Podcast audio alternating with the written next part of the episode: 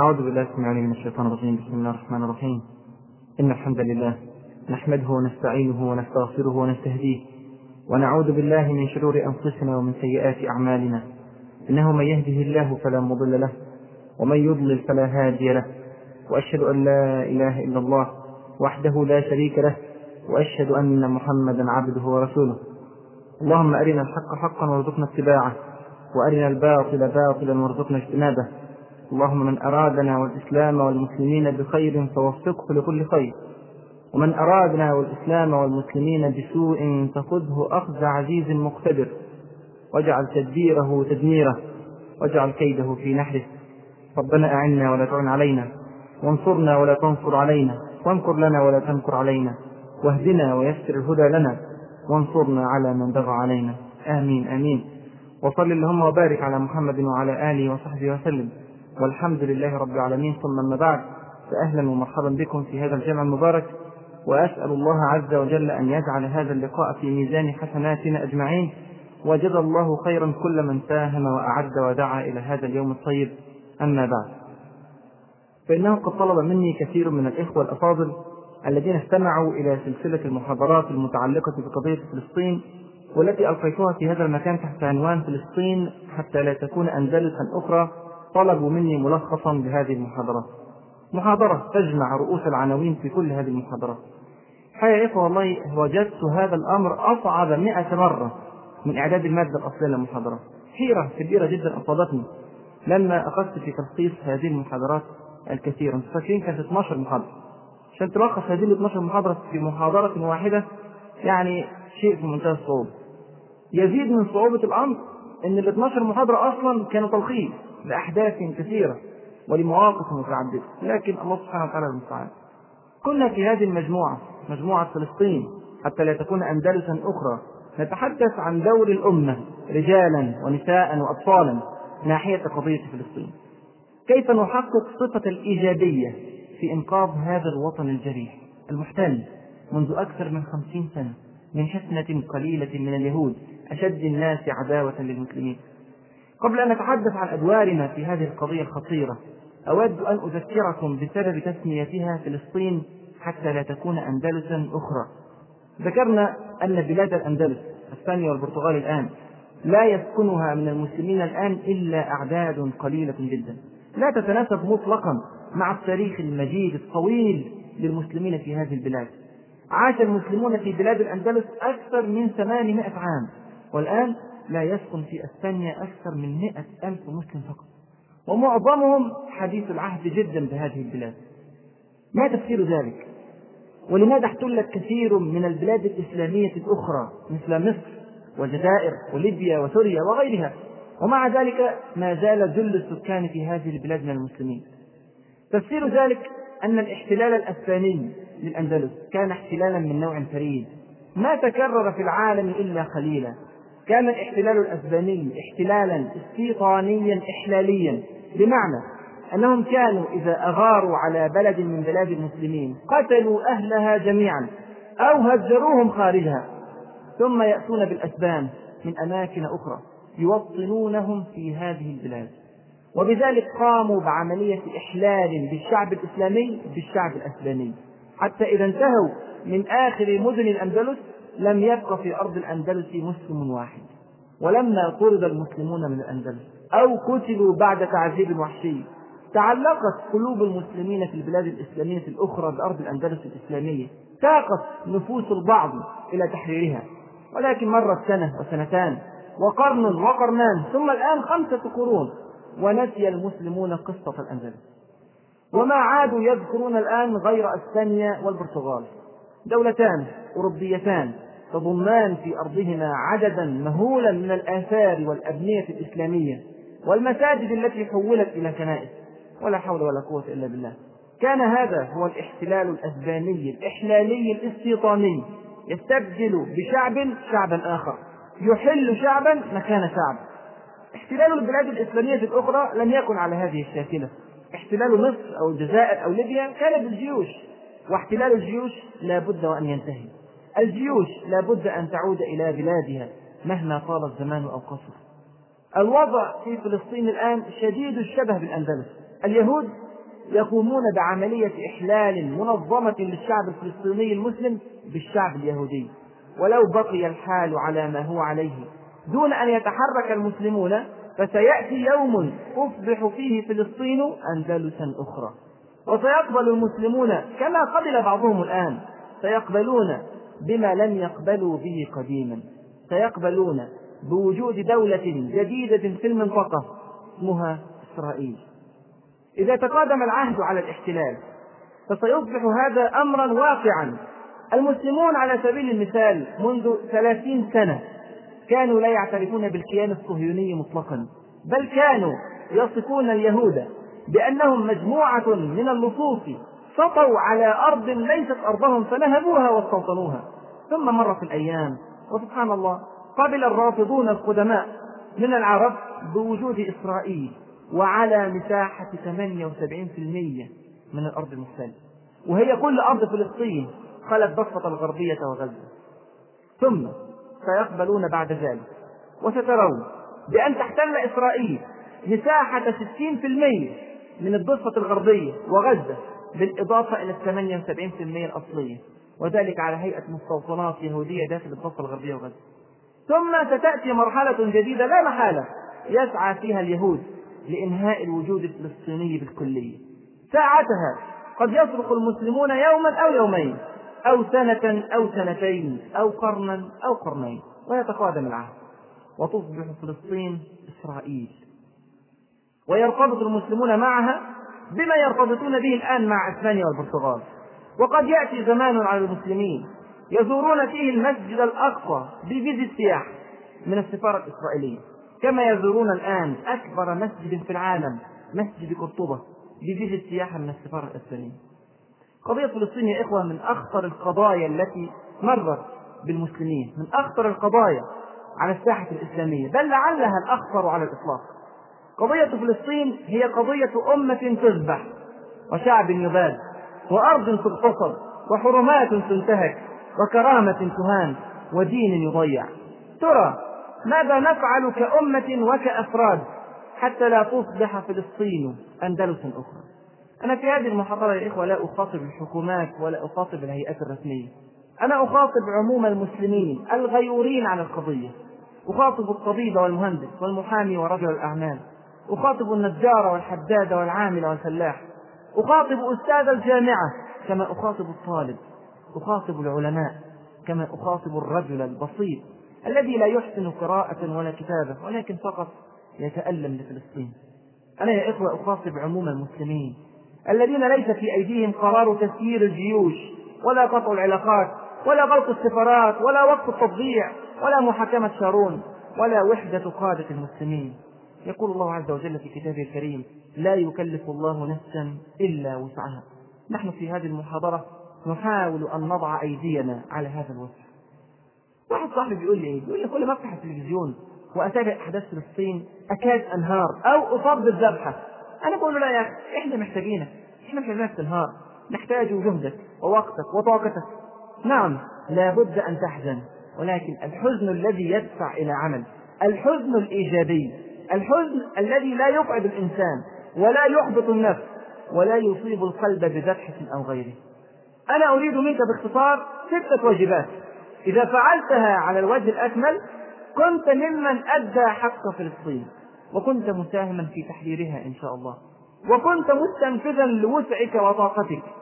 ويوم القيامة تقول يا رب فعلت كذا وكذا لفلسطين وهذا ما كنت أملك.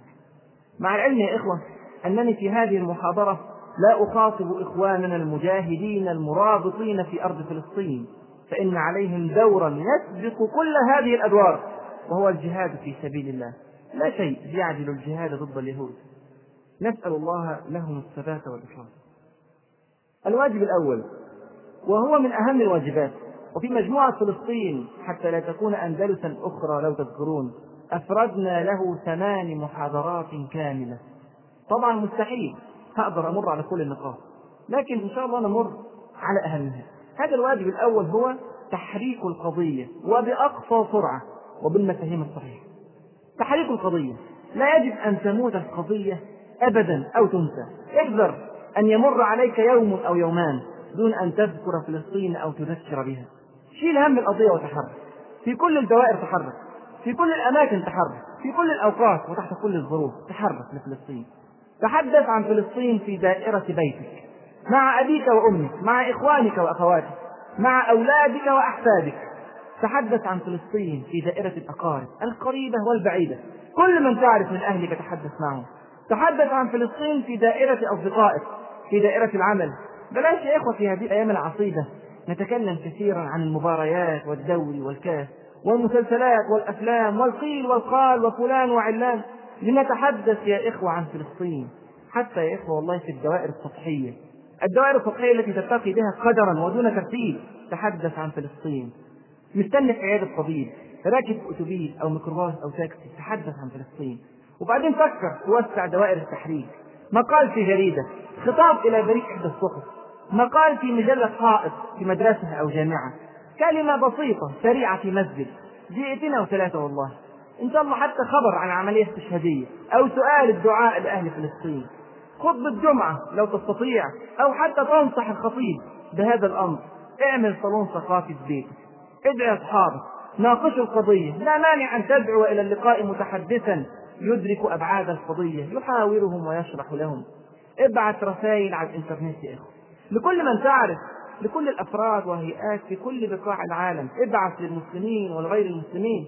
اشرح القضية. وضح فضائح اليهود. اعمل رأي عام عالمي. مضاد للإعلام اليهود. حرك. مفيش وقت. حتى والله إخوة المظاهرات السلميه تعتبر تحريكا للقضية. لكن لابد أن أشير هنا أن المظاهرة لابد أن تكون بالضوابط الشرعية الإسلامية. يعني لا فيها تكفير ولا إفساد.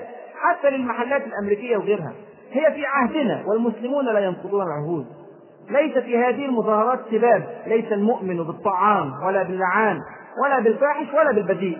ليس فيها اختلاط مخل بالآداب الإسلامية وليس فيها شعارات ضالة تؤخر القضية بدلا من تقديمها. هذا التحرك يا أخي لابد أن يكون كما ذكرنا بسرعة. فعلا فعلا. ما فيش وقت. مرور الوقت دون عمل ليس في مصلحة القضية. مع مرور الوقت يزداد عدد الشهداء.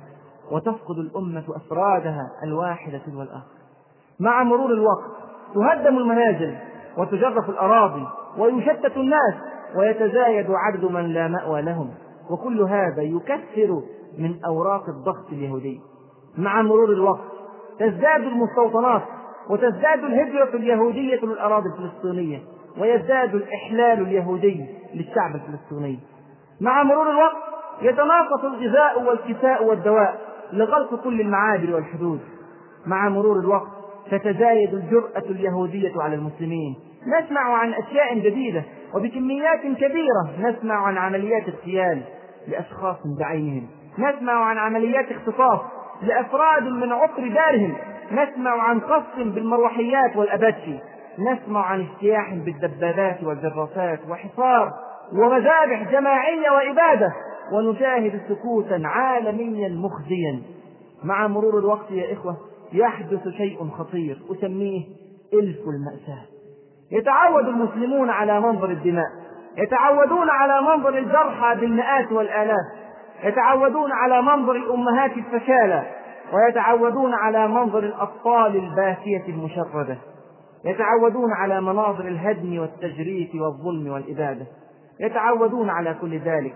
فلا تتحرك القلوب كما كانت تتحرك ولا تذرف الدموع كما كانت تذرف ولا تتأثر المشاعر كما كانت تتأثر. إلف المأساة. وبعدين إحنا هنعيش لحد إمتى يا إخوة؟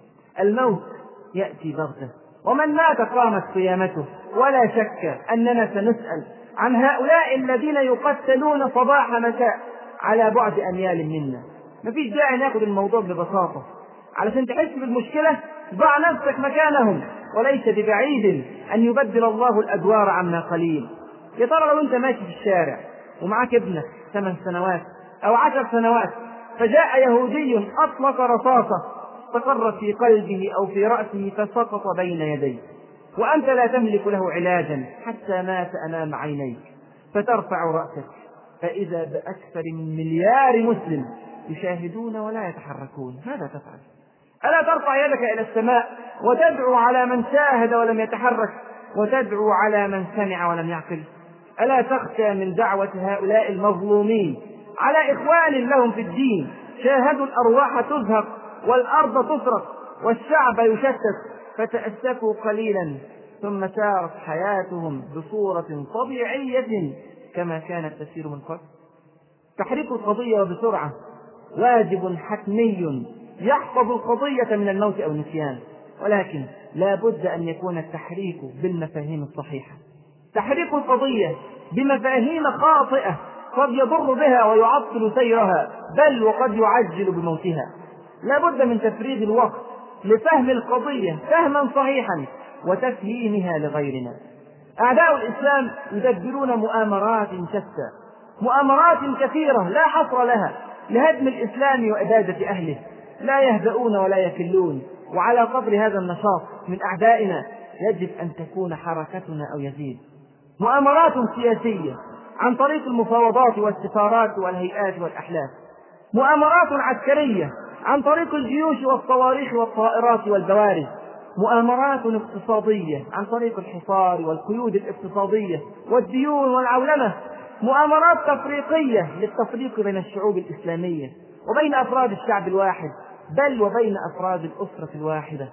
مؤامرات أخلاقية عن طريق إفساد أخلاق المسلمين بالإعلام والدش والإنترنت والتلفزيون والصحف الصفراء والبيضاء وغير ذلك. ثم مؤامرات فكرية عن طريق تغيير أفكار المسلمين وتبديل المعايير الصحيحة وقلب الموازين العادلة. كل هذه المؤامرات خطير كلها فتاك وقاتل لكن أشد هذه المؤامرات خطورة هي المؤامرة الفكرية. المؤامرة الفكرية التي تطلب الحق باطلا والباطل حقا. المؤامرة الفكرية أشد خطورة حتى من عاشوا طويلا وكافحوا وتعبوا وسهروا وبذلوا من أجل أفكار ضالة مضلة وعقائد منحرفة. وأهداف تافهة كل ذلك وهم يحسبون أنهم يحسنون صنعا. كارثة المؤامرة الفكرية تقتلع الأمم من جذورها. لا أمل في النجاة إن انحرفت أفكار الناس. ومن انحرف ولو درجة فلا يرجى له وصول. كثير ممن يكافح من أجل فلسطين يكافح للدفاع عن أفكار منحرفة ومفاهيم خاطئة. ولذا فهم يؤخرون أو يضيعون القضية. تحريك القضية بالمفاهيم الصحيحة من أقوى الأسلحة في حرب التحرير. تعالوا كده نختبر مفاهيمنا حول القضية. المفهوم الأول لماذا نحرر فلسطين؟ ما هي الدوافع وراء الحركة وبذل المال والجهد والوقت والنفس؟ ليه إحنا متحمسين لفلسطين؟ الناس في هذا الأمر ترفع شعارات مختلفة. هناك من يقول نحن نحرر فلسطين لأنها عربية وإحنا عرب. وبدافع القومية العربية لابد أن نحررها. هناك من يقول نحن نحررها من أجل أن بها القدس المدينة المباركة. هناك من يقول نحن نحررها من أجل الأقصى مسرى رسول الله صلى الله عليه وسلم وأولى القبلتين وثالث الحرمين. وهناك من يقول لحل مشكلة اللاجئين المشردين في بقاع الأرض. وهناك من يقول لأنها إسلامية. كثير. أفكار كثيرة جدا وأطروحات متعددة. هناك من يقول لأجل كل ما سبق يعني علشان عربية وعشان إسلامية وعشان القدس والأقصى وعلشان اللاجئين. نعم قد يكون لأجل كل ذلك نتحرك لكن اعلم أنك إن لم تحدد وجهة واحدة من كل هذه الأمور فقد تضل الطريق وتنحرف عن الهدف. لا تفرق عليك يا أخي الهموم. ضع النقاط فوق الحروف اختر هدفا واحدا من كل هذه الأهداف ولا ترضى عنه بديلا. يا ترى علشان عربية ولا علشان إسلامية؟ ولا علشان القدس ولا علشان الأقصى ولا علشان اللاجئين. أنا أختار علشان فلسطين إسلامية. يعني إيه فلسطين إسلامية؟ في شرع الإسلام إذا حكم المسلمون بلدا فتحا أو صلحا أصبحت هذه البلاد ملكا للمسلمين حكما أبديا إلى يوم القيامة. باب كبير جدا في الفقه اسمه باب الأرض المغنومة. الأرض التي غنمها المسلمون. يوما من الأيام صارت أرضا إسلامية. على هذا اجتمع فقهاء المسلمين. وفصلنا في هذه الفتوى في المجموعة الأصلية. المهم أرض فلسطين فتحت بالإسلام سنة 13 هجرية. اكتمل الفتح سنة 18 هجرية. وبذلك أصبحت الأرض بكاملها أرضا إسلامية. حق المسلمين في أرض فلسطين بدأ منذ هذا التاريخ. نحن لا نتعلق بتوراة محرفة كاليهود. نحن نتعلق بشرع محكم لا يأتيه الباطل من بين يديه ولا من خلفه تنزيل من حكيم حميد. الأرض بكاملها إسلامية من البحر الأبيض إلى نهر الأردن ومن لبنان إلى رفح. هذا يا إخوة شرع الإسلام. التفريط في شبر من فلسطين تفريط في الدين. يا ترى كم واحد من المكافحين من أجل القضية الآن يفهم هذا الأمر؟ يا ترى كم واحد بيكافح من أجل إقامة دولة فلسطينية فقط؟ على الضفة الغربية وغزة ويترك 78% من الأرض الإسلامية لليهود. يا ترى كم واحد هيسيب جزء من الدين من أجل التعايش السلمي مع اللص الذي ترك الأرض. مشكلة فكرية خطيرة. أنا لا أعتقد أن أي عالم إسلامي يستطيع أن يتجرأ على الفتوى بأن مدينة يافا مدينة إسرائيلية ليست إسلامية كما يقولون. على فكرة مدينة يافا هذه الحي الشمالي منها اسمه تل أبيب. لا أعتقد أن أي عالم إسلامي يستطيع أن يتجرأ على الفتوى بأن مدينة حيفا لم تعد مدينة إسلامية أو أن مدينة عكا الثغرة الإسلامية القديم لم تعد ملكا للمسلمين. أي قصور في الفهم وأي انحراف في الفكر. أصدر الأزهر الشريف في 1 يناير سنة 56 فتوى بأنه لا يجوز التفريط في شبر واحد من الأرض الفلسطينية. ثم ما لبثت الأيام أن دارت واعترف المسلمون لليهود ب 78% من الأرض أو يزيد. والبقية تأتي. عارفين بيفكرني بإيه؟ بالواحد اللي مش بيصوم رمضان ولمدة سنين وبعدين راح لشيخ. يقول له عايز أصوم أعمل إيه؟ قال له السنة الجاية لما تيجي السنة الجاية صوم ثلاث أيام في رمضان كمرحلة انتقالية. وربي نفسك على هذا بضع سنين. ولما تستقر على هذا الأمر يبقى زود يوم. اهدى اليهود يا إخوة قعدوا يزنوا على دماغنا. الأرض مش بتاعتنا. الأرض مش بتاعتنا. وإحنا نقول لا بتاعتنا. لا بتاعتنا. وبعدين زهقنا. فقلنا طيب خلاص هات خمس الأرض وكتر خيرك على كده. المهم يكون في علم ومطار وبعد كده مش مهم الأرض قد إيه. يا إخوة شرع الله يقول الأرض بكاملها إسلامية. اللي يغير في الحكم ده بالضبط زي اللي بيغير في أحكام الصلاة والصيام والحج وغير ذلك من أمور الإسلام. يترتب على هذا الفهم حكم فقهي هام. الأرض المسلمة المحتلة يتعين يتعين على أهلها الجهاد من أجل تحريرها. يتعين عليهم أن يفرض عليهم كالصلاة المفروضة وكصيام رمضان. من لم يجاهد من أهلها لتحريرها بكاملها أثم ولا خلاف بين العلماء في ذلك. يعني أهل فلسطين عليهم أن يجاهدوا حتى يحرروا فلسطين بكاملها. فإن لم يكفي أهل فلسطين لذلك تعين الجهاد على الأقطار الإسلامية المجاورة وهكذا. وإن شمل ذلك كل مسلم أرض قضية في منتهى الخطورة. ليست قضية هامشية في حياتنا أبدا. بالطبع فيقول بعضهم إن هذا يتعارض مع الشرعية الدولية وقوانين الأمم المتحدة. وحدود الدول المعترف بها ومنها حدود دولة إسرائيل وهكذا. لكن تعالوا نقف وقفة كده ونسأل بصراحة. يعني إيه شرعية دولية؟ هل الشرعية الدولية دي فعلا شيء بيحفظ للناس حقوقها ولا شيء بيضمن للقوي الاستمرار فيما يريد وإن كان ظلما؟ الشرعية الدولية يا إخوة ما هي إلا شعار يختفي وراءه كثير من مجرمي الحرب وكثير من الشياطين. يظلمون ويقتلون ويشردون وفق أهواء منحرفة ومصالح ذاتية. الشرعية الدولية سمحت بموت نصف مليون طفل عراقي لنقص التطعيمات والألبان. اهدى. هل هؤلاء الذين يحكمون باسم الشرعية الدولية بشر؟ هل يتعاملون وفق مشاعر البشر؟ هل يقبل بشر أي بشر بوفاة طفل واحد أمامه لنقص الغذاء أو الدواء؟ وهو يتفرج ويشاهد بل ويستمتع. هل هذا بشر؟ فما بالك بوفاة نصف مليون طفل؟ ماذا فعلت الشرعية الدولية في أفغانستان؟ ماذا فعلت في كشمير؟ ماذا فعلت في السودان في البوسنة في الصومال في لبنان؟ ثم ماذا فعلت الشرعية الدولية لإسرائيل في تعدياتها الصارخة في فلسطين؟ قرارات وتمديدات وشج فقط ولا حراك إذا بوضوح الشرعية الدولية ليست قانونا عادلا. نعم ليست قانونا عادلا. الشرعية الدولية قانون لا يعرف إلا القوة. نعم القوة. ولأن الله عز وجل يعلم الظلم الشديد الذي سينتهجه كثير من البشر. ولأنه عز وجل يعلم أن الحق المجرد لا يقنع الكثيرين من الخلق. ولأنه يعلم أن الحق لا بد أن يحمى بقوة من أجل كل هذا. شرع القوة للدفاع عن الحقوق. أو قل شرع الجهاد. للدفاع عن الحقوق. أذن للذين يقاتلون بأنهم ظلموا. وإن الله على نصرهم لقدير. الذين أخرجوا من ديارهم بغير حق إلا أن يقولوا ربنا الله. ولولا دفع الله الناس بعضهم ببعض لهدمت صوامع وبيع وصلوات ومساجد يذكر فيها اسم الله كثيرا. ولينصرن الله من ينصره. إن الله لقوي عزيز. إذا فلسطين بكاملها إسلامية.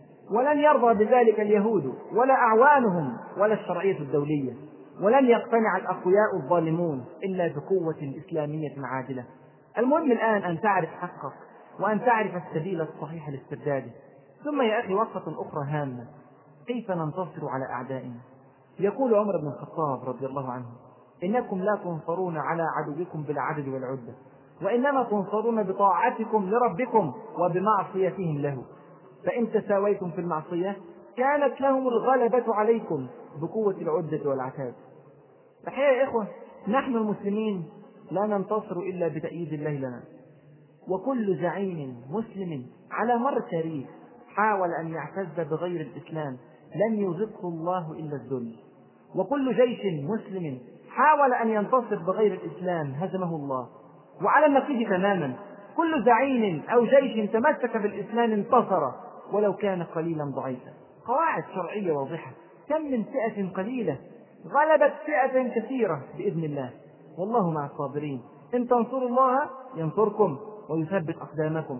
إن ينصركم الله فلا غالب لكم وإن يخذلكم. فمن ذا الذي ينصركم من بعد؟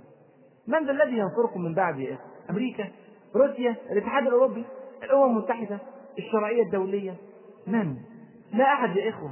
ففروا إلى الله. ففروا إلى الله إني لكم منه نذير مبين. فهم القضية في ضوء شرع الله يضع النقاط فوق الحروف فلسطين بكاملها إسلامية. التفريط في شبر منها تفريط في الدين. لا مجال لقول أن الضفة الغربية وغزة مرحلة ثم يعقبها تحرير كامل. أبدا أنت بإقرارك لعدوك على 78% من الأرض تزده قوة وتزداد أنت ضعفا. يزداد هو تمسكا وتزداد أنت تفريطا. الحقوق يا إخوة لا تجزأ. وبعدين يا إخوة ما إحنا اتعاملنا مع اليهود وإحنا مش عارفين اليهود ومش عارفين أعوان اليهود ومش عارفين طريقتهم. اوعى تغمض عينيك. واحد اشترى ثلاث تفاحات. قطع الأولانية لقى فيها دودة أم رميها. قطع الثانية لقى فيها برضه دودة أم رميها طفى النور وكان الثالث سبحان الله إحنا كده بنعمل زي كل ما رجعنا خطوة اليهود بيحطوا رجليهم فيها. اليهود قسمت لهم الأمم المتحدة 56% من الأرض سنة 47 ظلما وعدوانا في قرار التقسيم الجائر الظالم برقم 181 هاج العرب وماجوا لكن اللهم الاعتراف في سنة 48 احتل اليهود 78% من الأرض.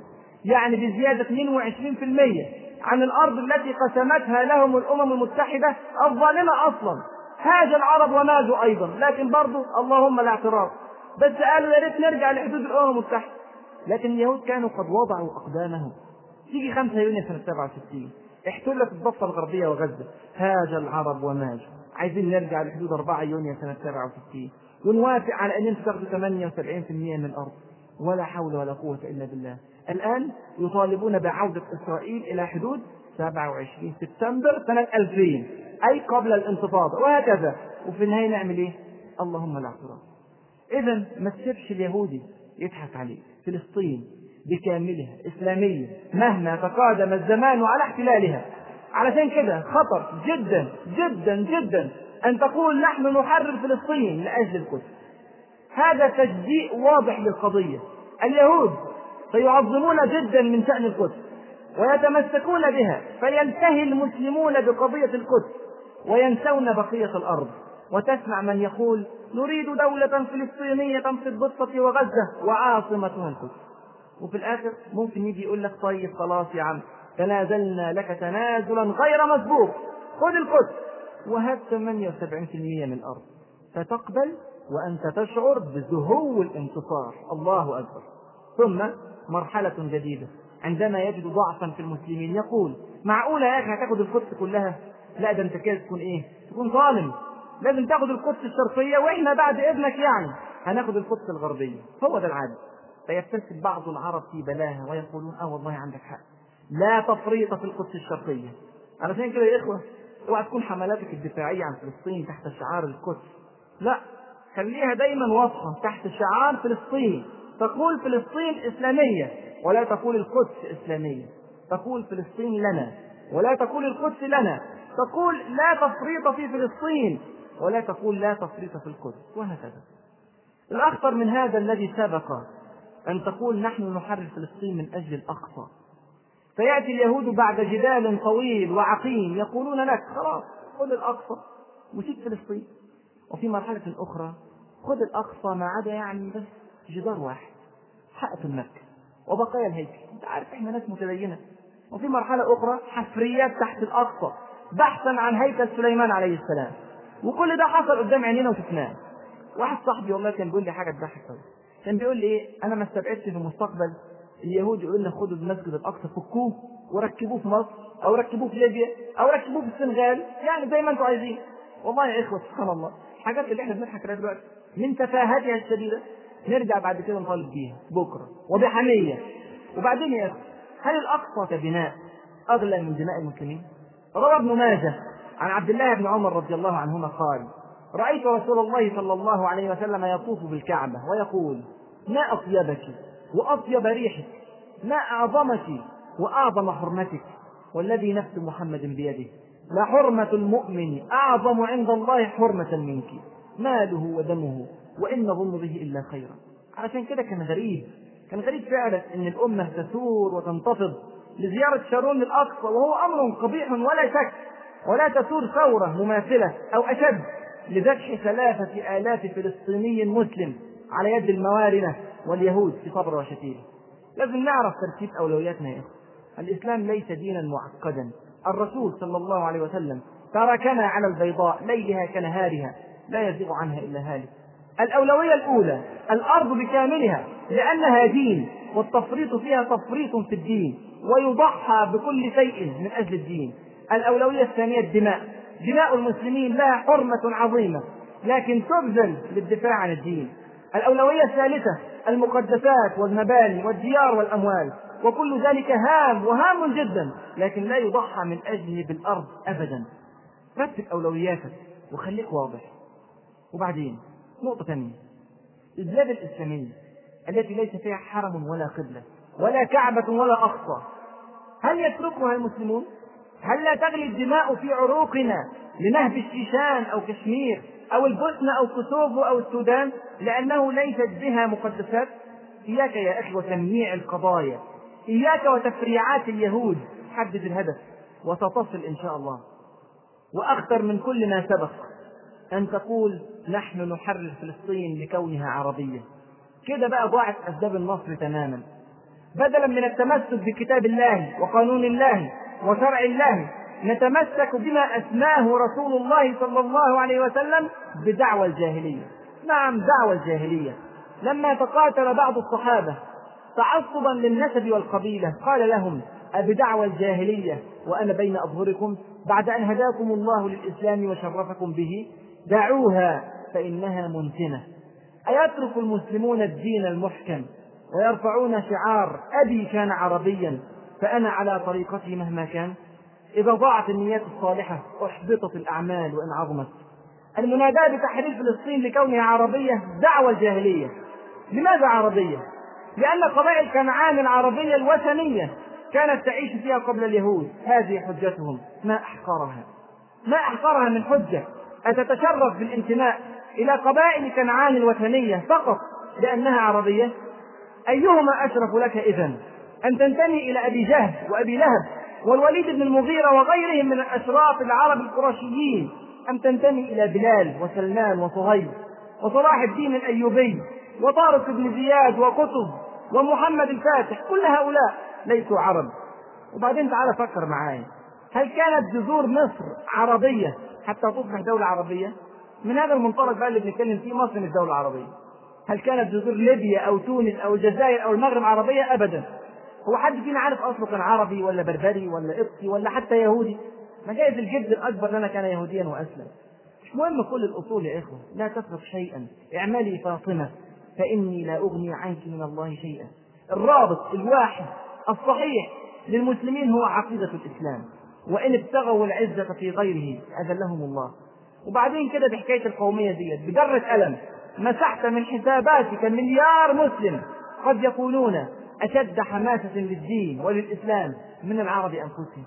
ببساطة كده بتحذف 200 مليون أندونيسي 100 مليون باكستاني 100 مليون بنغالي من بنجلاديش 100 مليون نيجيري 100 مليون هندي 85 مليون صيني. يعيشون في الصين مسلمين. 80 مليون تركي وغيرهم وغيرهم. وسع مداركك يا أخي. وانظر ماذا أراد الله لك وتبتغي غيره.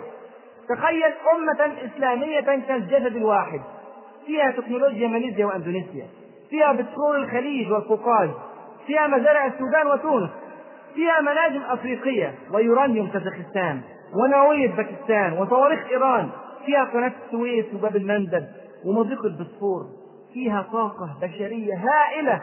تخيل وحدة بين هذه الأمة على أساس العقيدة. تخيل أمة كهذه شرعها القرآن والسنة وسبيلها الجهاد في سبيل الله. أمة مهولة. عندما يفكر الغرب في ذلك يصيبهم الهلع والرعب والفزع فيسرعون إلى وأد أي توجه إسلامي في أي قطر من الأرض صغير كان أو كبير غني كان أو فقير. يدركون قوة غفل عنها أهلها قوة العقيدة وقوة الاعتزاز بمنهج الله الحكيم.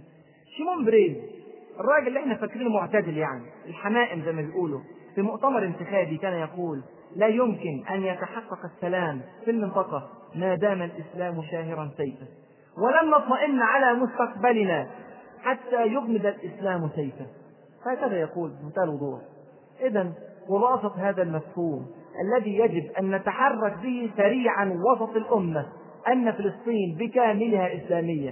لا نرضى بحلول جزئية كالضفة الغربية وغزة مثلا. ولو أخذنا القدس ولو أخذنا الأقصى.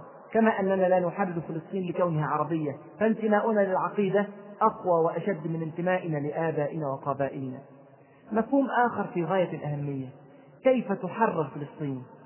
أو من الممكن أن يسأل بطريقة أخرى هل لابد من الانتفاضة وفقد هذا الكم الهائل من الدماء؟ أو من الممكن أن تحرر عن طريق المفاوضات والطرق الدبلوماسية والأمم المتحدة وغير ذلك؟ حقيقة يا إخوة في هذه المحاضرة كما فصلنا في المجموعة. أريد أن أرسخ مفهوم وجوب استمرار الانتفاضة. لماذا يجب أن تستمر هذه الانتفاضة المباركة؟ أولا الانتفاضة هي الطريق الشرعي الوحيد لتحرير فلسطين في مثل هذا الموقف. لا تحرر الشعوب إلا بالدماء والتضحيات والبذل والعطاء.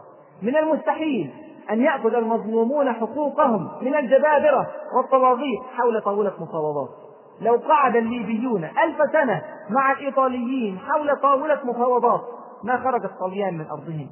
لو قعد الجزائريون كذلك ألف سنة مع الفرنسيين حول طاولة مفاوضات ما خرج الفرنسيون من أرضهم؟ بل لو قعد الفيتناميون ألف سنة مع الأمريكان حول طاولة مفاوضات ما خرج الأمريكان من أرضهم؟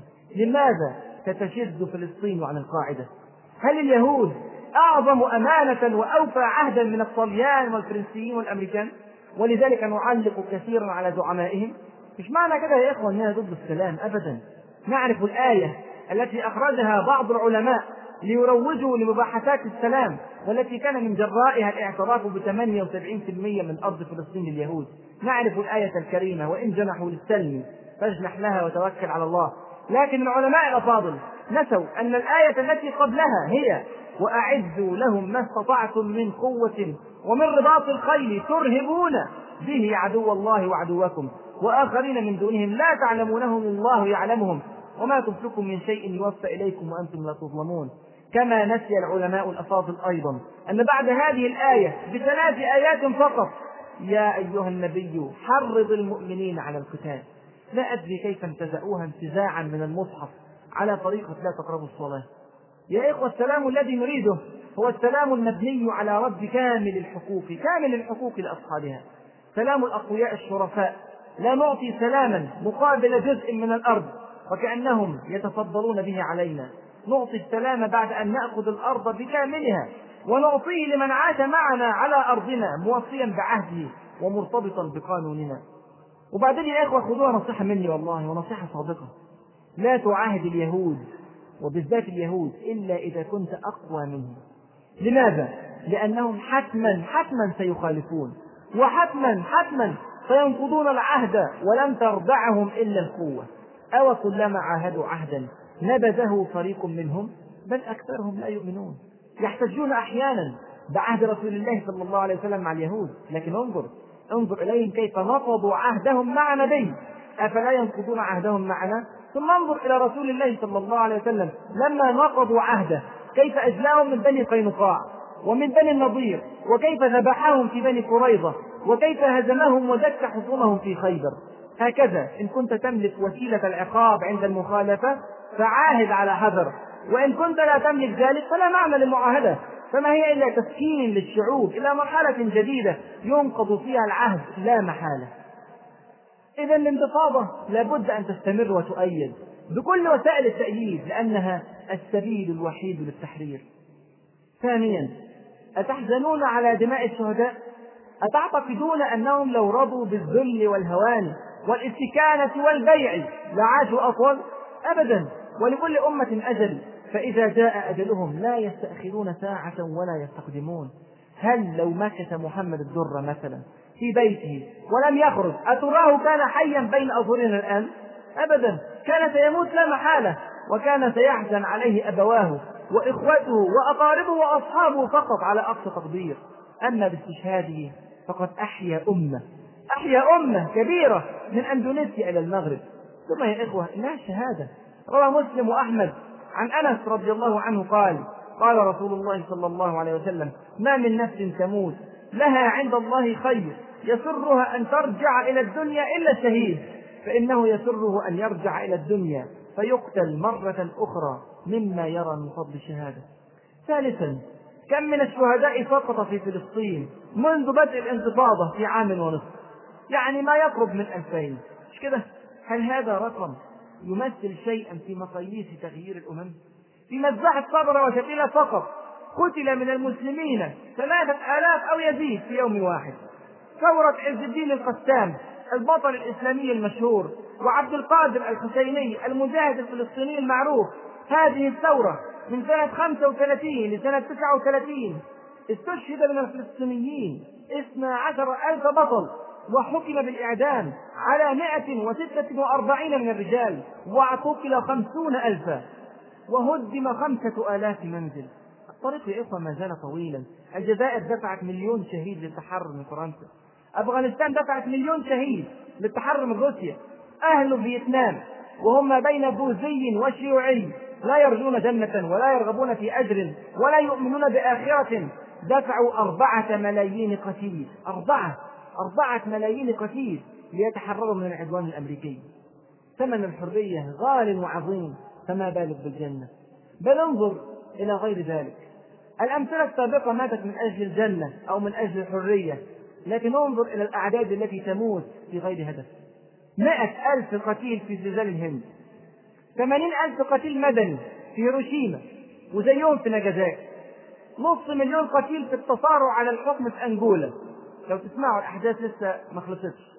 2 مليون ماتوا في السودان من سنة 83 لسنة 2001 حرب أهلية ومجاعة وفيضانات 22 مليون قتيل للإيدز غير 37 مليون يحملون المرض وينتظرون الوفاة مع أن عمر الإيدز في الأرض كله 20 سنة فقط. إذا إذا كان هؤلاء يموتون بلا هدف وقد يكون موتهم في مصائب أخلاقية كشذوذ أو تصارع على سلطة أفلا يموت الفلسطينيون شهداء؟ ثم أليس للانتفاضة حسنات أخرى غير التحرير؟ والله يا إخوة حسنات الانتفاضة لا تقدر بثمن. أولا الأبعاد التربوية للانتفاضة. الانتفاضة كسرت حاجز الخوف عند الفلسطينيين. أنتجت جيلا لا يهاب الموت. وهي خطوة من أروع الخطوات في سبيل التحرير. بل والله خطوة في سبيل سيادة العالم. لا أقول سيادة فلسطين فقط بل سيادة العالم. وإلا خبروني بالله عليكم من ذا الذي يستطيع أن يقاتل شابا في مقتبل العمر يحمل حزاما ناسفا حول وسطه يحب الموت كما يحب أعداءه الحياة. الشعب أصبح قادرا على التضحية بسهولة وعلى الجهاد بتلقائية. أحيانا تعيش الشعوب مئات السنين ولا تصل إلى ما وصل إليه أهل فلسطين من تضحية وجهاد. ثانيا الانتفاضة أوضحت الرؤية. لدى عامة الفلسطينيين بل ولدى عامة المسلمين.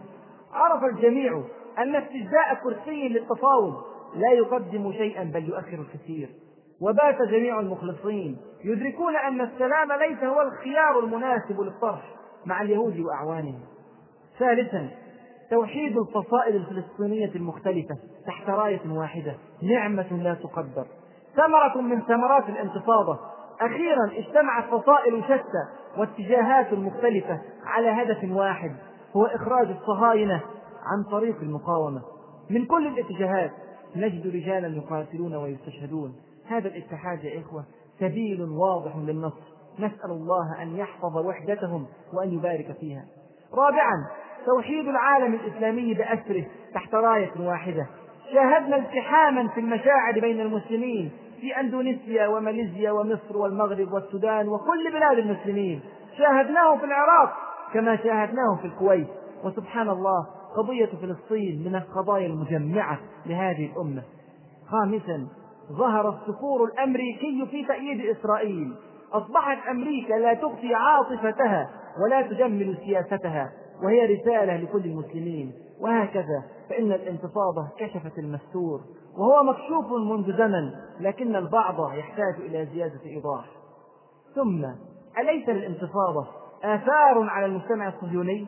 قد يظن البعض أن الآلة العسكرية الهائلة والأموال اليهودية الغزيرة لم تتأثر بالأحجار والبنادق القديمة والأحزمة الناسفة أبدا.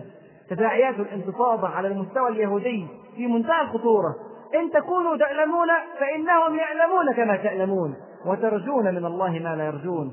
أولا حالة مروعة من الرعب وعدم الأمن عند كل اليهود بما فيه انتظار رجال الدولة. نقل التلفزيون الإسرائيلي لقاء بين شارون وأحد وزرائه. الوزير يبكي لشارون يبكي لأنه يخاف أن يخرج من بيته. فكيف بعامة المحتلين؟ ثانيا الهجرة المعاكسة من إسرائيل إلى خارجها تزايدت جدا. ثالثا الاضطرابات الخطيرة في الجيش الإسرائيلي. رفض الكثير من الجنود كما سمعنا جميعا.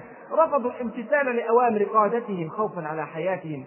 رابعا الخسارة اليهودية الاقتصادية الفادحة أكثر من 140 مليار دولار. خسارة في السنة الأولى فقط. السياحة ضربت تماما. نسبة الإشغال يا إخوة الفنادق لا تجاوز 2% تخيلوا؟ في كل فنادق إسرائيل 2% فقط. 50% من دور السينما أغلقت أبوابها تماما. كثير من المصانع اليهودية المعتمدة على العمال الفلسطينيين أغلقت أبوابها كذلك. خامسا الخسارة الاقتصادية لم تقتصر على اليهود في حيز الأرض المحتلة فقط. الشركات اليهودية العالمية قوطعت من كثير من المسلمين حتى الدول الإسلامية التي ما زالت تحتفظ بعلاقات تطبيع مع إسرائيل قلصت جدا من حجم تعاملاتها مع اليهود. وهذا ولا شك سيؤثر سلبا على إسرائيل. سادسا وارد جدا وارد جدا يا إخوة أن تقطع الدول العربية التي تطبع العلاقات مع اليهود علاقاتها بإسرائيل في هذا الجو المشحون والغضب الجماهيري المتزايد. وإن حدث ذلك فلا شك أنه سيخنق اليهود. سابعا العزلة اليهودية عن العالم بأسره فرق الرياضة تخشى الذهاب إلى إسرائيل فرق المسارح والفن أيضا. الوفود الدبلوماسية والاقتصادية والاجتماعية قلصت جدا من زياراتها للمنطقة. ثامنا الانتفاضة فضحت جرائم اليهود على شاشات الفضائيات والإنترنت في العالم أجمع وقامت بالإعلام المضاد ضد الإعلام الصهيوني المضلل ونتج عن ذلك إجماع العالم على إدانة إسرائيل في الأمم المتحدة لولا فيتو أمريكا واجتماع العالم على اتهام إسرائيل بالعنصرية لولا انسحاب أمريكا أيضا. إذا يا إخوة الشرع والعقل والتاريخ والواقع كل هذا يؤكد أن الانتفاضة لا بد أن تستمر. وأنها الطريق الشرعي الوحيد لرد الحقوق إلى أصحابها. مفهوم آخر يا إخوة من المفاهيم الهامة التي يجب أن تحرك وتثار وسط جموع المسلمين مفهوم إسرائيل الكبرى. إسرائيل الكبرى هو مشروع صهيوني حقيقي. لا تخفي إسرائيل بل تعلنه بالسفور والشواهد تدل على سعيهم لتطبيقه. مشروع إسرائيل الكبرى يشمل فلسطين بكاملها. طبعا ضفة غربية وغزة جوه فلسطين بالإضافة إلى الأردن لبنان سوريا. العراق حتى دجلة أو الفرات. جنوب تركيا. مصر حتى الفرع الغربي من النيل فرع رشيد. وشمال السعودية حتى المدينة المنورة. بعض الخرائط حتى 112 كيلو تقريبا جنوب المدينة المنورة. خير الله ظنونهم وأفشل خططهم. يستند هذا المشروع إلى توراتهم المحرفة حيث يقولون إن الرب قال ليعقوب عليه السلام وهبتك يا إسرائيل ما بين دجلة والنيل. أعلن هذا المشروع بن غوريون أول رئيس إسرائيلي عند إعلان دولة إسرائيل سنة 48 وذكره تيودور هيرزل في مذكراته اللي هو المؤسس الحقيقي لدولة إسرائيل. وقاله موسى ديان لما احتل اليهود القدس سنة 67 قال الآن أصبح الطريق مفتوحا إلى يثرب وإلى بابل. خيب الله ظنه. ولما احتل سيناء قال الآن حررنا سيناء. مشروع إسرائيل الكبرى يرسمونه على ظهر عملتهم الشيكل. وخريطة إسرائيل الكبرى على باب الكنيسة. مش أمور مخفية يعني. حرب 67 ما كانت إلا حلقة في المشروع وكذلك اجتياح لبنان في سنة 82 أيضا لا شك أن حرب الخليج وتمركز القوات الأمريكية في هذه المنطقة من العوامل التي تسهل على المشروع أن يطبق على أرض الواقع. الصداقة اللصيقة بين تركيا وإسرائيل وتدمير القوة العسكرية العراقية محطات لا تخفى على عاقل والمسلمون لا يفيقون إلا على الكوارث. دول المنطقة جميعا توقع على معاهدة حظر أسلحة الدمار الشامل بما فيها السلاح النووي بينما إسرائيل تمتلك أعدادا ضخمة من الرؤوس النووية. ومع ذلك لا توقع على معاهدة حظر أسلحة الدمار الشامل. أنا لا أدري الحقيقة يا إخوة والله لا أدري كيف نشعر بالأمن. ونفترض وفاء اليهود مع كل هذه الملابسات. والله يا إخوة أنا أعتقد أنه استراتيجيا وبلا أي عوامل أخوة أو شرع أو واجب ديني فإنه على البلاد الإسلامية المحيطة بفلسطين أن تؤيد الانتفاضة بكل ما تستطيعه وبسرعة. أهل فلسطين هم خط الدفاع الأول لنا الدرع البشري الواقي للدول المحيطة. إذا سقط هذا الخط الأول فسيأتي الدور لا محالة على غيرهم. وهنا سيقول الضحايا أكلنا يوم أكل الثور الأبيض. من شك في مشروع إسرائيل الكبرى واستبعد أن تحتل إسرائيل كل هذه البلاد فعليه أن يراجع تاريخ نشأة إسرائيل داخل فلسطين. إحنا قلنا تقريبا حوالي خمس محاضرات حول هذا التاريخ. تشرح والله يا إخوة العجب العجاب كيف أن دولة قوية إسرائيل قامت من لا شيء. فإذا كانوا قد أنشأوا دولة من لا شيء فهم على التوسع الأخضر وراجعوا التاريخ ولكم في حرب 67 عبرة. مفهوم آخر في غاية الأهمية. من المستحيل أن تفهم القضية فهما صحيحا. ومن المستحيل أن تحركها تحريكا إيجابيا سليما. ومن المستحيل أن تقوم للمسلمين قائمة بغير دراسة التاريخ والاعتبار به دراسة تاريخ نشأة إسرائيل داخل فلسطين الحبيبة تعتبر أمرا حتميا لمن أراد أن يساهم مساهمة حقيقية في حل هذه القضية. أمرا حتميا بمعنى الكلمة. طبعا أنا من المستحيل في هذا التلخيص في هذه المحاضرة أن ألخص خمس محاضرات لكن في عجالة أركز على بعض النقط. نقط أربعة سريعة. أولا التاريخ الإسلامي زور لنا بعناية. شوهت صور الأبطال وعظمت صور الخائنين. التزوير كان عن طريق التعليم والإعلام أساسا ولا بد أن ينتبه المسلمون. فلسطين لم تباع إلا بعد إسقاط الخليفة العثماني الجبل السلطان عبد الحميد الثاني. رحمه الله والذي شوه كثيرا في التاريخ. إلغاء الخلافة العثمانية التي كانت تحمي فلسطين كانت سببا رئيسيا في احتلال فلسطين. ومع ذلك فإن التعليم والإعلام صور لنا الخلافة العثمانية الإسلامية على أنها احتلال احتلال تركي للأراضي العربية. النقطة الثانية نقطة في غاية الأهمية أيضا زورت في التاريخ هي قضية أن الفلسطينيين باعوا أرضهم لليهود. زي ما بيقولوا كده إيه؟ يستاهلوا بقى اللي يجرى تعالوا كده بسرعة نراجع التاريخ. اليهود عند بدء حرب 48 كانوا يملكون 5.7 من 10% فقط من أرض فلسطين 2% خدوها من الحكومة العلمانية بتاعت حزب الاتحاد والترقي اللي قامت بعد الخلافة العثمانية. أخذوها عن طريق الرشوة من العميل مصطفى كمال أتاتورك وأتباعه. واحد واثنين من عشرة في المية خدوها إهداء من حكومة الانتداب البريطاني بلا ثمن. وواحد ونص في المية خدوها من عائلات سورية ولبنانية زي عائلات سرسق والمطران وتيان كانت بتعيش في فلسطين وبعدين ليه رجعت لبلادها سوريا ولبنان وباعت أرضها لليهود. يفضل من كل القصة ديت واحد في المية فقط. واحد في المية فقط من الأرض هو الذي باعه الفلسطينيون فعلا لليهود. وهؤلاء الذين باعوا اعتبرهم فقهاء فلسطين مثل المفتي أمين الحسيني رحمه الله اعتبروهم خائنين وأصدروا بذلك فتاوى كثيرة منذ عام 1922 يعني يا إخوة فقط واحد في المية من الأرض. هو اللي اتباع. أما بقية الأرض فقد احتلت في عام 48 بالدبابات والآليات العسكرية وبالخيانة العربية المعروفة في ذلك الوقت. إذا كان الأمر كذلك فلماذا انتشرت هذه الإشاعة المفتراه؟ طبعا الصهاينة سعداء لنشرها ومستفيدون من أنها تثبت لهم حقا في الأرض. لكن المشكلة الكبرى أن العرب أيضا كانوا سعداء بهذه الإشاعة. سبحان الله روجوا لها وما زال بعضهم يروج لها إلى الآن. لماذا؟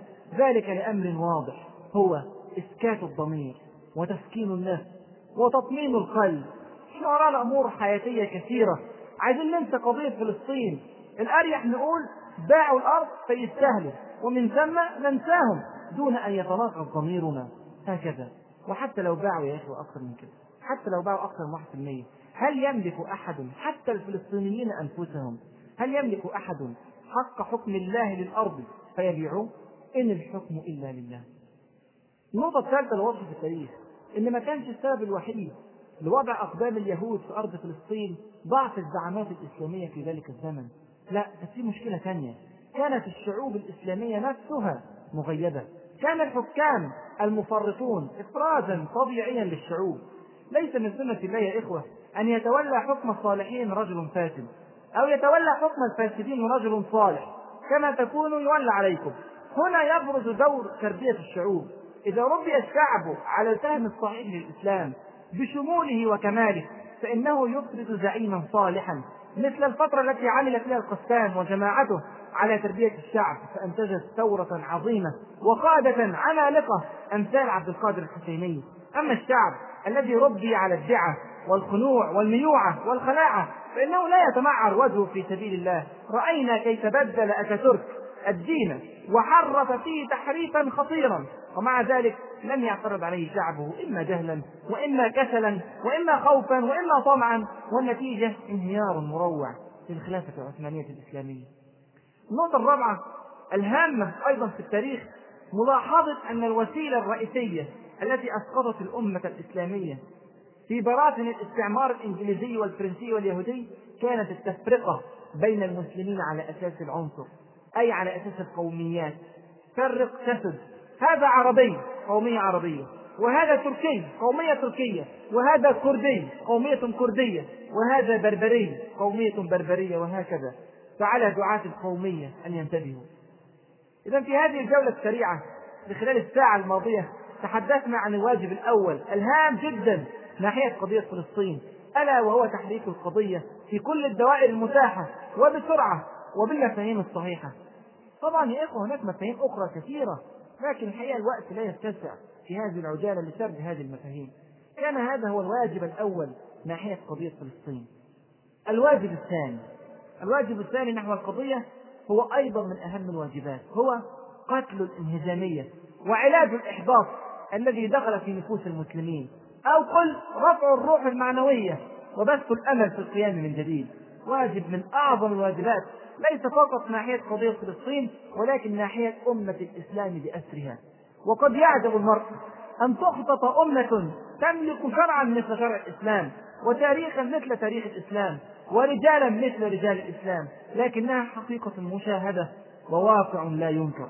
لماذا أحبط المسلمون؟ أمور كثيرة تفاعلت أورثت هذا الإحباط في نفوس المسلمين.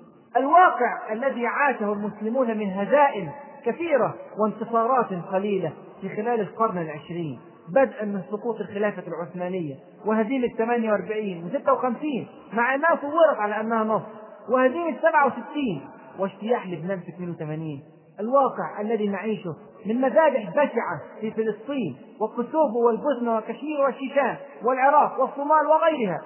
الواقع الذي نعيشه من ظلم وفساد وإباحية وانهيار للاقتصاد واختلاف بالمليارات وديون متراكمة وإفلاسات مشهرة وفرقة وتناحر وتشاحن وبغضاء هذا الواقع المر بالإضافة إلى تزوير التاريخ حتى خرج إلينا نسخا مشوها يستحي منه الكثير ويتناساه الأكثر. بالإضافة إلى تزوير الواقع وتشويه صورة الإسلام وإلصاق كل الجرائم بالمتمسكين بدينهم ونفي كل مظهر من مظاهر الحضارة والرقي عنهم بالإضافة إلى تعظيم الغرب وتفخيمه حتى يصبح منتهى أحلام الشباب أن يلقوا بأوطانهم وأهلهم وراء ظهورهم وينطلقوا إلى الجنة كما يقولون أمريكا وأوروبا. ففعلت هذه الأمور وغيرها حتى رسخت الإحباط في نفوس الكثيرين من أمة الإسلام. إلى هؤلاء الذين أحبطوا ويئسوا وإلى أولئك الذين يريدون أن يبثوا الأمل في قلوب القانطين. أوجه هذه الكلمات. أدركوا حقائق عشرة. الحقيقة الأولى. لله سنن في الأرض. لا تتغير ولا تتبدل. منها وتلك الأيام نداولها بين الناس. فكما تعاني أمة الإسلام اليوم فقد كان هناك أيام عانى فيها الآخرون بينما كانت أمة الإسلام في سلامة وعافية. وستأتي أيام أخرى لا محالة تعود فيها الدولة للمسلمين سنة ثابتة. الحقيقة الثانية هذه الأمة أمة الإسلام لها طبيعة فريدة تميزها عن بقية الأمم. هذه الطبيعة أنها أمة باقية لا تموت. قد تنقاد لغيرها فترة قد تضعف فترة لكنها أبدا لا تموت. هي ليست كأمم الفرس والرومان والفراعنة والإنجليز وحتى الأمريكان. لا بد أن تبقى لأنها تحمل الكلمة الأخيرة من الله إلى خلقه. من يقيم حجة الله على خلقه إذا ماتت أمة الإسلام؟ من يشهد على أهل الأرض إذا ذهب أهل الإسلام؟ من يعلم الناس الشرع والأخلاق إذا اندثرت هذه الأمة؟ من يعرف الناس بربهم إذا فني رجال الإسلام؟ طبيعة هذه الأمة أنها باقية. بقاؤها هو خير الأرض وذهابها فناء الأرض. الحقيقة الثالثة افهم حقيقة المعركة. المعركة ليست بين المؤمنين والكافرين. المعركة في حقيقتها بين الله عز وجل وبين من مرق عن دينه وشرعه من عباده الضعفاء. هكذا. المعركة بين الله وبين اليهود وبين الله وبين كل من حارب دينه. إنهم يكيدون كيدا. وأكيد كيدا ويمكرون. ويمكر الله. فلم تقتلوهم. ولكن الله قتلهم. وما رميت إذ رميت. ولكن الله رمى. هكذا. ما على المؤمنين إلا أن يتبعوا منهج الله عز وجل. ويثبتوا. وسيتولى هو. هو عز وجل. سيتولى الدفاع عنهم. إن الله يدافع عن الذين آمنوا. هو الذي يدافع. إن تنصروا الله ينصركم. هو الذي ينصركم. وعلى قدر عظمة الله وجلال الله وقدرة الله وجبروت الله قدر المعركة.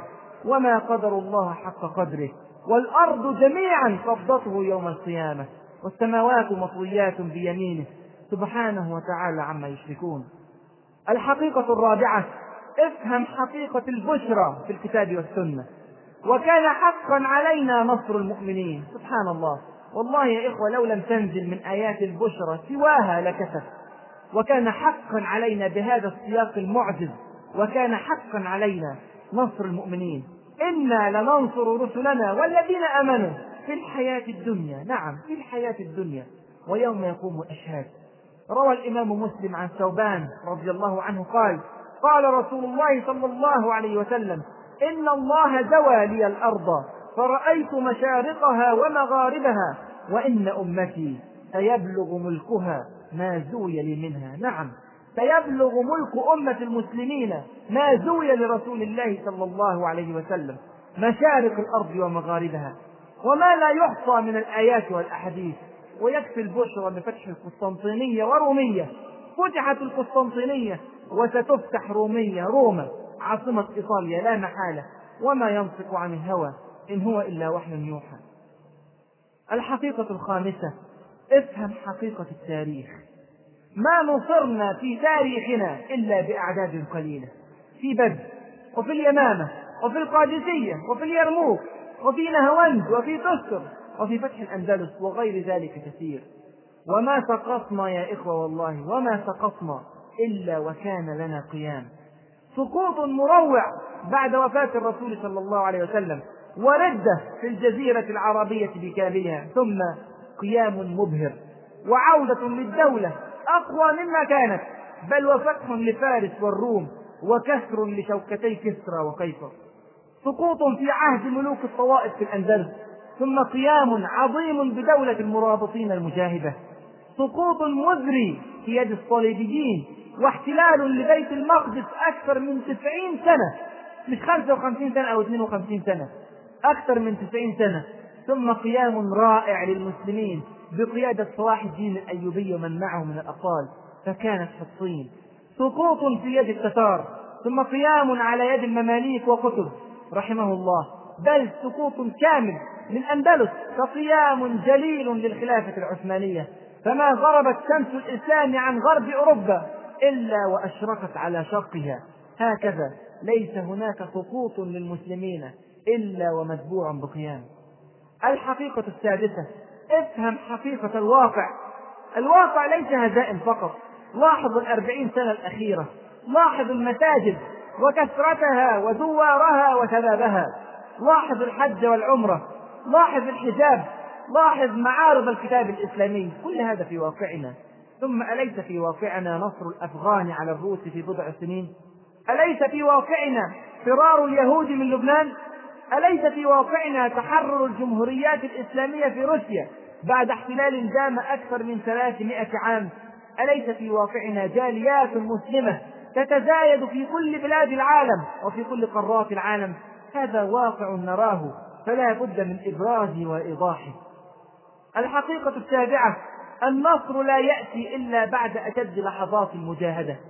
إذا كنت ترى أن الظلم والإضطهاد قد تفاقم فاعلم أن النصر قد اقترب. أم حسبتم أن تدخلوا الجنة؟ ولما يأتكم مثل الذين خلوا من قبلكم مستهم البأساء والضراء وزلزلوا. حتى يقول الرسول والذين آمنوا معه متى نصر الله؟ متى نصر الله؟ في هذه اللحظة التي بلغ فيها الألم إلى أقصاه وبلغ فيها الصبر إلى نهايته. في هذه اللحظة المجيدة يقول الله عز وجل ألا إن نصر الله قريب؟ الحقيقة الثامنة لا تستعجل النصر. ورب حكمة لا تدركها. واعلم أن الأدب مع الله يقتضي عدم استعجاله وأن حكمة الله البالغة تقتضي أن يختبر عباده المؤمنين وأن النصر يأتي في وقت يعلم الله فيه أن خير المؤمنين أصبح في النصر وليس في انتظار النصر. الحقيقة التاسعة النصر لا يأتي إلا بيقين فيه. يقين لا يساوره شك. ولا تخالطه ريبة. من كان يظن أن لن ينصره الله في الدنيا والآخرة فليمدد بسبب إلى السماء ثم ليقطع فلينظر هل يذهبن كيده ما يغيظ. الحقيقة العاشرة والأخيرة في هذه النقطة الأجر لا يرتبط بالنصر ولكن بالعمل. فكلما حسن عملك كلما عظم أجرك. وكلما زاد جهدك كلما كمل ثوابك. واعلم أنك إن لم ترى النصر بعينيك فسيراه أبناؤك وأحبابك. إذا كانت هذه حقائق عشرة لو تدبرتها زال الإحباط من قلبك واستبدل بأمل في قيام وطموح في سيادة. كان هذا هو الواجب الثاني نحو قضية فلسطين. الواجب الإيجابي الثالث نحو القضية هو التبرع بالمال. ما أحوج أهل فلسطين للمال في هذه الأوقات؟ حصار اقتصادي رهيب فرض من الأعمال. إغلاق للمعابر تجريف للأراضي هدم للديار نقص في الغذاء والدواء والكساء والسلاح استشهاد لشباب وعائلات لا حصر لها تفقد عائلها. أخي في الله استمع جيدا إن كنت تريد جهادا في سبيل الله وقد حيل بينك وبينه فأثبت صدقك لله بجهاد المال.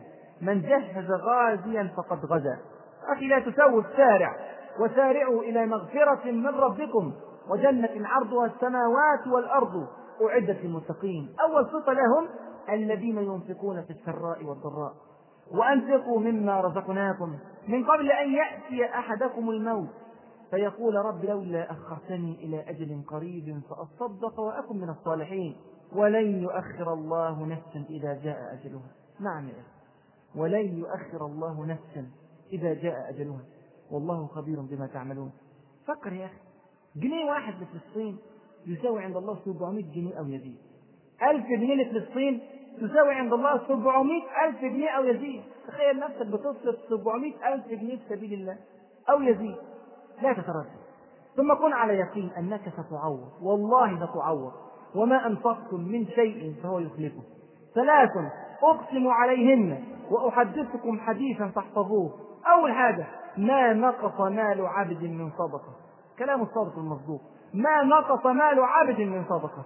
أخي في الله اهزم الشيطان. الشيطان يعدكم الفقر ويأمركم بالفحشاء.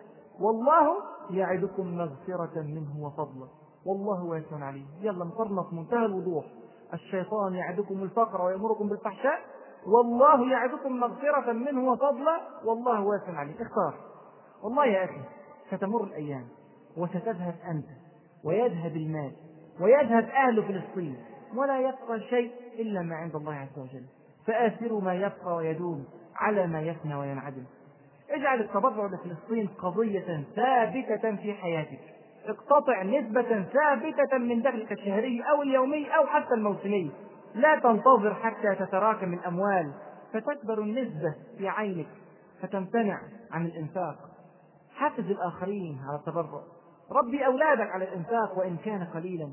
اشرح لهم بأسلوب مبسط أحوال أطفال فلسطين. زكاة المال جائزة على أهل فلسطين بل هي محمودة ففيهم الفقير والمسكين والغارم والمجاهد في سبيل الله. لا تمن بعطيتك ولا تتكبر بها ولا ترائي ولا تسوف ولا تستقلن تبرعا فرب درهم سبق ألف درهم. واعلم يا أخي أن الله عز وجل قسم الأعمال بين عباده وكان نصيبك النصيب الأيسر. عليهم في فلسطين أن يدفعوا أرواحهم. وعليك أنت في بيتك الآمن أن تدفع مالك. فارض بما قسم الله لك من العمل. يرفع عنك من البلاء ما لا تطيق. الواجب الإيجابي الرابع نحو قضية فلسطين هو المقاطعة. المقاطعة لكل ما هو يهودي أو أمريكي أو إنجليزي أو أي أحد يعاون اليهود. وهو واجب هام هام هام. ومؤثر إلى أبعد درجات التأثير وله من الأبعاد الاقتصادية والاجتماعية والتربوية ما لا يمكن حصره في هذه المساحة الضيقة. أذكر أنني كنت قد ذكرت لكم في المحاضرة الخاصة بالمقاطعة عشرة فوائد لها سواء على المستوى المحلي أو الإسلامي أو العالمي أو اليهودي. وذكرنا أنها لا محالة ستؤثر على الشركات التي يصفونها بأنها متعددة الجنسية. وذكرنا ضوابطنا الشرعية في المقاطعة والفرق بين مقاطعتنا لمنتجاتهم وحصارهم لبلادنا. وعلقنا على كثير من الشبهات التي تجول في أذهان الناس اللي يقول إن الأيدي العاملة في هذه المصانع والشركات وطنية 100% وسيؤدي ذلك إلى تشييد الآلاف واللي يقول رأس المال الوطني سيخسر واللي يقول إحنا كده هنكره الشعب الأمريكي فينا واللي يقول إن الشركات الأمريكية ستنعش الاقتصاد الوطني. واللي يقول إحنا ما نقدرش نستغنى عنهم واللي يقول أنا ما أقدرش أستغنى عن كذا أو كذا شبهات كثيرة كثيرة جدا تعرضنا لها وفصلنا كالرد عليها وأشعر أنه من المستحيل أن نفصل في هذه الأمور في هذه الدقائق المعدودات فارجو أن تعودوا إلى شريط المقاطعة. الواجب الإيجابي الخامس هو الدعاء لأهل فلسطين بالثبات والنصر والدعاء على اليهود وأعوانهم بالهلكة والاستئصال. الدعاء يا إخوة من أقوى أسلحة المؤمنين في حربهم مع الكافرين. الدعاء ليس شيئا سلبيا كما يعتقد بعض الناس. كثير من الناس يعتقدون أن الدعاء أمر مقابل للأخذ بالأسباب. ابدا الدعاء يرفعه العمل الصالح. إن ترك المؤمن الأسباب واكتفى بالدعاء فهو متواكل ولا يرجى له إجابة. ولذلك جعلت الدعاء الوسيلة الخامسة حتى لا يعتمد المرء عليها وينسى بقية الواجبات. الدعاء ليس امرا جانبيا في قضية فلسطين ليس امرا اختياريا. إن شئنا فعلناه وإن شئنا تركناه ابدا. الدعاء ركن أساس من أركان النصر وسبب أكيد من أسباب التمكين. رسول الله صلى الله عليه وسلم ما ترك الدعاء ابدا وما يئس منه قط مهما تأخرت الإجابة ومهما طال الطريق ومهما عظم الخط. وكان أشد ما يكون دعاء ورجاء وخشوعا وابتهالا عند مواقف الضيق والشدة. يفزع إلى ربه ويطلب عونه ويرجو مدده وتأييده في بدر في أحد في الأحزاب في كل أيامه صلى الله عليه وسلم. وفلسطين يا إخوة تحتاج إلى دعاء لا ينقطع وتحتاج إلى رجاء لا يتوقف. من أدراك أن طائرة تقصف فيصد قصفها بدعائك؟ من أدراك أن مخططا يهوديا يدبر في الظلام فيحبط بدعائك؟ من أدراك أن شابا فلسطينيا أطلق حجارة أو رصاصة فأصابت هدفها بدعائك. نريد دعاء لحوحا مستفيضا متكررا في كل يوم وليلة أكثر من مرة. دعاء في القنوت وفي السجود. دعاء فيه يقين في الإجابة. دعاء ليس فيه عجلة ولا يأس. دعاء فيه حضور للقلب. وتضرع وتذلل وانكسار لله عز وجل. دعاء من رجال يتحرون المال الحلال. ويتحرون الأوقات الفاضلة ويتحرون الأحوال الشريفة. دعاء في جوف الليل وقبل الفجر. دعاء يجتمع فيه أهل البيت وأهل العمل وأهل المسجد.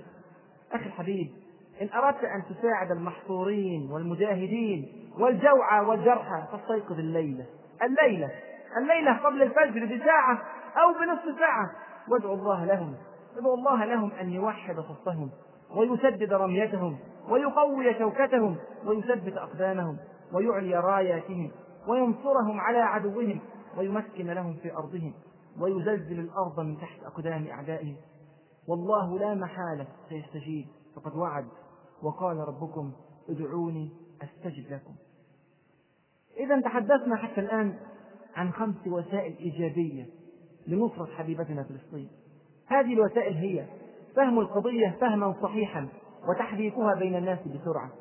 قتل الهزيمة النفسية وبث الأمل في عودة اليقظة للأمة الإسلامية. بذل المال قدر المستطاع وتحفيز الناس عليه. المقاطعة الاقتصادية الشاملة والكاملة لكل ما هو يهودي أو أمريكي أو إنجليزي. وأخيرا الدعاء مستفيض لحوح لله عز وجل. كانت هذه وسائل خمسة. ولا شك أن في أذهانكم وسائل أخرى. والأمر على إطلاقه بين المسلمين كل يدلي بدلوه وكل يساهم بطاقته. لكن تبقى الوسيلة السادسة هي الوسيلة التي تشمل كل ما سبق. وتبقى الوسيلة السادسة دافعة لكل ما سبق من وسائل. وإن لم تفعل فليس هناك نجاح لأي من الوسائل السابقة. الوسيلة السادسة هي إصلاح النفس والمجتمع. لا بد أن نسأل أنفسنا لماذا هذا التدهور لهذه الأمة الإسلامية التي تعودت أن تسود. لماذا يسيطر خمسة واثنين من عشرة مليون يهودي على بلد مبارك مقدس كفلسطين مخرجين ألسنتهم لمليار وثلث مليار مسلم في الأرض؟ ولماذا لا يفترس زعماء الشرق والغرب وزعماء اليهود بأعدادنا ولماذا لا تتحرك الحمية في قلوب بعضنا؟ وقد انتهكت الحرمات ودنست المقدسات وسالت الدماء. لابد أن الأمة قد وقعت في خطأ فادح مهد الطريق لهذا الوضع. أمة الإسلام لا تهزم بقوة الكافرين ولكن تهزم بضعفها. يلخص هذا الموقف حديث رسول الله صلى الله عليه وسلم الذي رواه الإمام أحمد وأبو داود عن ثوبان رضي الله عنه. وفيه يصف رسول الله صلى الله عليه وسلم الأحداث وكأنه يراها رأي العين. يقول رسول الله صلى الله عليه وسلم يوشك الأمم أن تداعى عليكم أو تداعي عليكم كما تداعى الأكلة إلى قصعتها أي يدعو بعضها البعض ليأكلوا من أمة المسلمين. قال قائل ومن قلة نحن يومئذ؟ قال بل أنتم يومئذ كثير. سبحان الله مليار وثلث مليار ولكنكم غثاء كغثاء السيف. ولينزعن الله من صدور عدوكم المهابة منكم. سبحان الله. ولا يقذفن الله في قلوبكم الوهن. قالوا وما الوهن يا رسول الله؟ قال حب الدنيا وكراهية الموت. هذا هو موطن الداء حب الدنيا وكراهية الموت. هذا هو الخطأ الفادح الذي وقع فيه المسلمون. إذا مصيبة الأمة الآن هي تعاظم حب الدنيا في قلوب المسلمين. ومن أجل الدنيا يرضى المسلمون بالدنية في دينهم. ولو هانت عليهم الدنيا لقويت شوكتهم وعز سلطانهم. الدنيا تعاظمت في النفوس. قلت قيمة الآخرة عند الإنسان. الدنيا كانت سببا مباشرا لاحتلال فلسطين. ولن تحرر فلسطين إلا إذا خرجت الدنيا من القلوب. قل متاع الدنيا قليل. والآخرة خير لمن اتقى ولا تظلمون فتيلا. إن وجدت صراعا بين الإخوة وتنافسا على أشياء كان من الواجب أن يتعاونوا عليها. إن وجدت موالاة لكافر على حساب مؤمن إن وجدت خيانة لأمانة ونقضا لعهد وحربا لفضيلة ونشرا لإباحية وإنكارا لمعروف إن وجدت تقديما لأهل الرذيلة وعلوا لأهل الفسوق والفجور وتأخيرا للعلماء والفضلاء وسجنا وتعذيبا للدعاة والمجاهدين. إن وجدت الحبيب يترك حبيبه والولد يهمل والديه والحاكم يظلم شعبه والرجل يكره وطنه. إن وجدت الأجساد هامدة والعقول خاملة والعزائم فاترة والغايات تافهة منحطة منحدرة. إن وجدت كل هذا فاعلم أنها الدنيا. واعلم أن هذا متبوع بهلكة والهلكة متبوعة باستبدال. وإن تتولوا يستبدل قوما غيركم ثم لا يكونوا أمثالكم. روى الإمام مسلم عن المستورد بن شداد رضي الله عنه أن رسول الله صلى الله عليه وسلم قال والله ما الدنيا في الآخرة إلا مثل ما يجعل أحدكم إصبعه هذه. وأشار راوي الحديث إلى السبابة في اليم. فلينظر أحدكم بما يرجع. فقط هذا هو حجم الدنيا. من هذا المنطلق لحجم الدنيا والآخرة. نريد أن نعيد ترتيب أوراقنا وتنظيم حياتنا وتعديل أهدافنا. من هذا المنطلق لحجم الدنيا والآخرة نريد أن نصلح أنفسنا ومجتمعاتنا. من هذا المنطلق لحجم الدنيا والآخرة نريد أن نصطلح مع ربنا. نعم يا إخوة نريد أن نصطلح مع ربنا. يطول الفراق أحيانا بيننا وبين ربنا. وهو سبحانه لا تضره معصية ولا تنفعه طاعة. نحن الذين نخسر ونحن الذين نفوز. القضية يا إخوة ليست قضية فلسطين فقط. القضية قضية الأمة بأسرها. إن الله لا يغير ما بقوم حتى يغيروا ما بأنفسهم قاعدة. لا تتبدل ولا تتغير. والله والله والله لن يتغير حالنا. من ذلة إلى عزة. ومن ضعف إلى قوة ومن هوان إلى تمكين إلا إذا اصطلحنا مع ربنا وطبقنا شرعه وأخرجنا الدنيا من قلوبنا وتبنا من ذنوبنا وعظمت الجنة في عقولنا. ساعتها ستصبح كل حركة وكل سكنة في حياتنا دعما لقضية فلسطين. من هذا المنظور يا إخوة ستصبح صلاتنا في جماعة وقراءتنا للقرآن وذكرنا وصيامنا يصبح كل ذلك دعما لفلسطين ويصبح بر الوالدين وصلة الرحم ورعاية الجار وحفظ الطريق وعون الملهوف. يصبح كل ذلك دعما لفلسطين ويصبح غض البصر وحفظ الفرج وصيانة اللسان ووقاية السماع. يصبح كل ذلك دعما لفلسطين وكذلك يصبح الأمر بالمعروف والنهي عن المنكر وتعليم الناس الخير ودعوة الآخرين إلى الفضيلة. يصبح كل ذلك دعما لفلسطين وكذلك تصبح محاربة الربا ومقاطعة الرشوة ونبذ الفرقة وترك المحرمات والبعد عن الشبهات. يصبح كل ذلك دعما لفلسطين. هكذا تتحول حياتنا كل حياتنا بدعم فلسطين وغير فلسطين من أقطار الإسلام الجريحة. يرفع الله عنا البلاء ويكشف الضراء وتشرق الأرض بنور ربها من جديد. إخواني في الله لا يكفي الألم فقط لتحرير الشعوب. لا تكفي الدموع وأنت تشاهد الأطفال يقتلون والمجاهدين يحاصرون والأمهات يصرخن وينتحبن لا تكفي الدموع لتحرير فلسطين. لا بد من عمل وها قد عرضنا بعض الوسائل التي في مقدورنا جميعا. لا تعتذر بأنك لا تملك قرارا ولا سلطة. ولو كان بيدك لفعلت كذا وكذا أنت تملك أسبابا كثيرة ولا بد أن تعرف ذلك. لا تنظر إلى فلسطين على أنها عبء على كاهلك وهم في قلبك أبدا. انظر إليها على أنها اختبار. فلسطين اختبار من الله عز وجل لعباده المؤمنين. كل يوم وكل ساعة وكل ثانية تمر عليك هي جزء مرة من الامتحان. احذر أن ينتهي عمرك ولم تكمل الإجابة لأن الموتى لا يعودون إلى يوم القيامة. حاسب نفسك كل يوم. ماذا عملت اليوم لفلسطين؟ فإن وجدت خيرا فاحمد الله. وإن وجدت غير ذلك فأسرع بالعمل قبل أن يأتي يوم لا عمل فيه. بهذه الرؤية يا إخوة لن تموت فلسطين. بهذه الرؤية لن تصبح فلسطين إن شاء الله أندلسا أخرى. فستذكرون ما أقول لكم وأفوض أمري إلى الله. إن الله بصير بالعباد. أقول قولي هذا وأستغفر الله لي ولكم وجزاكم الله خيرا كثيرا.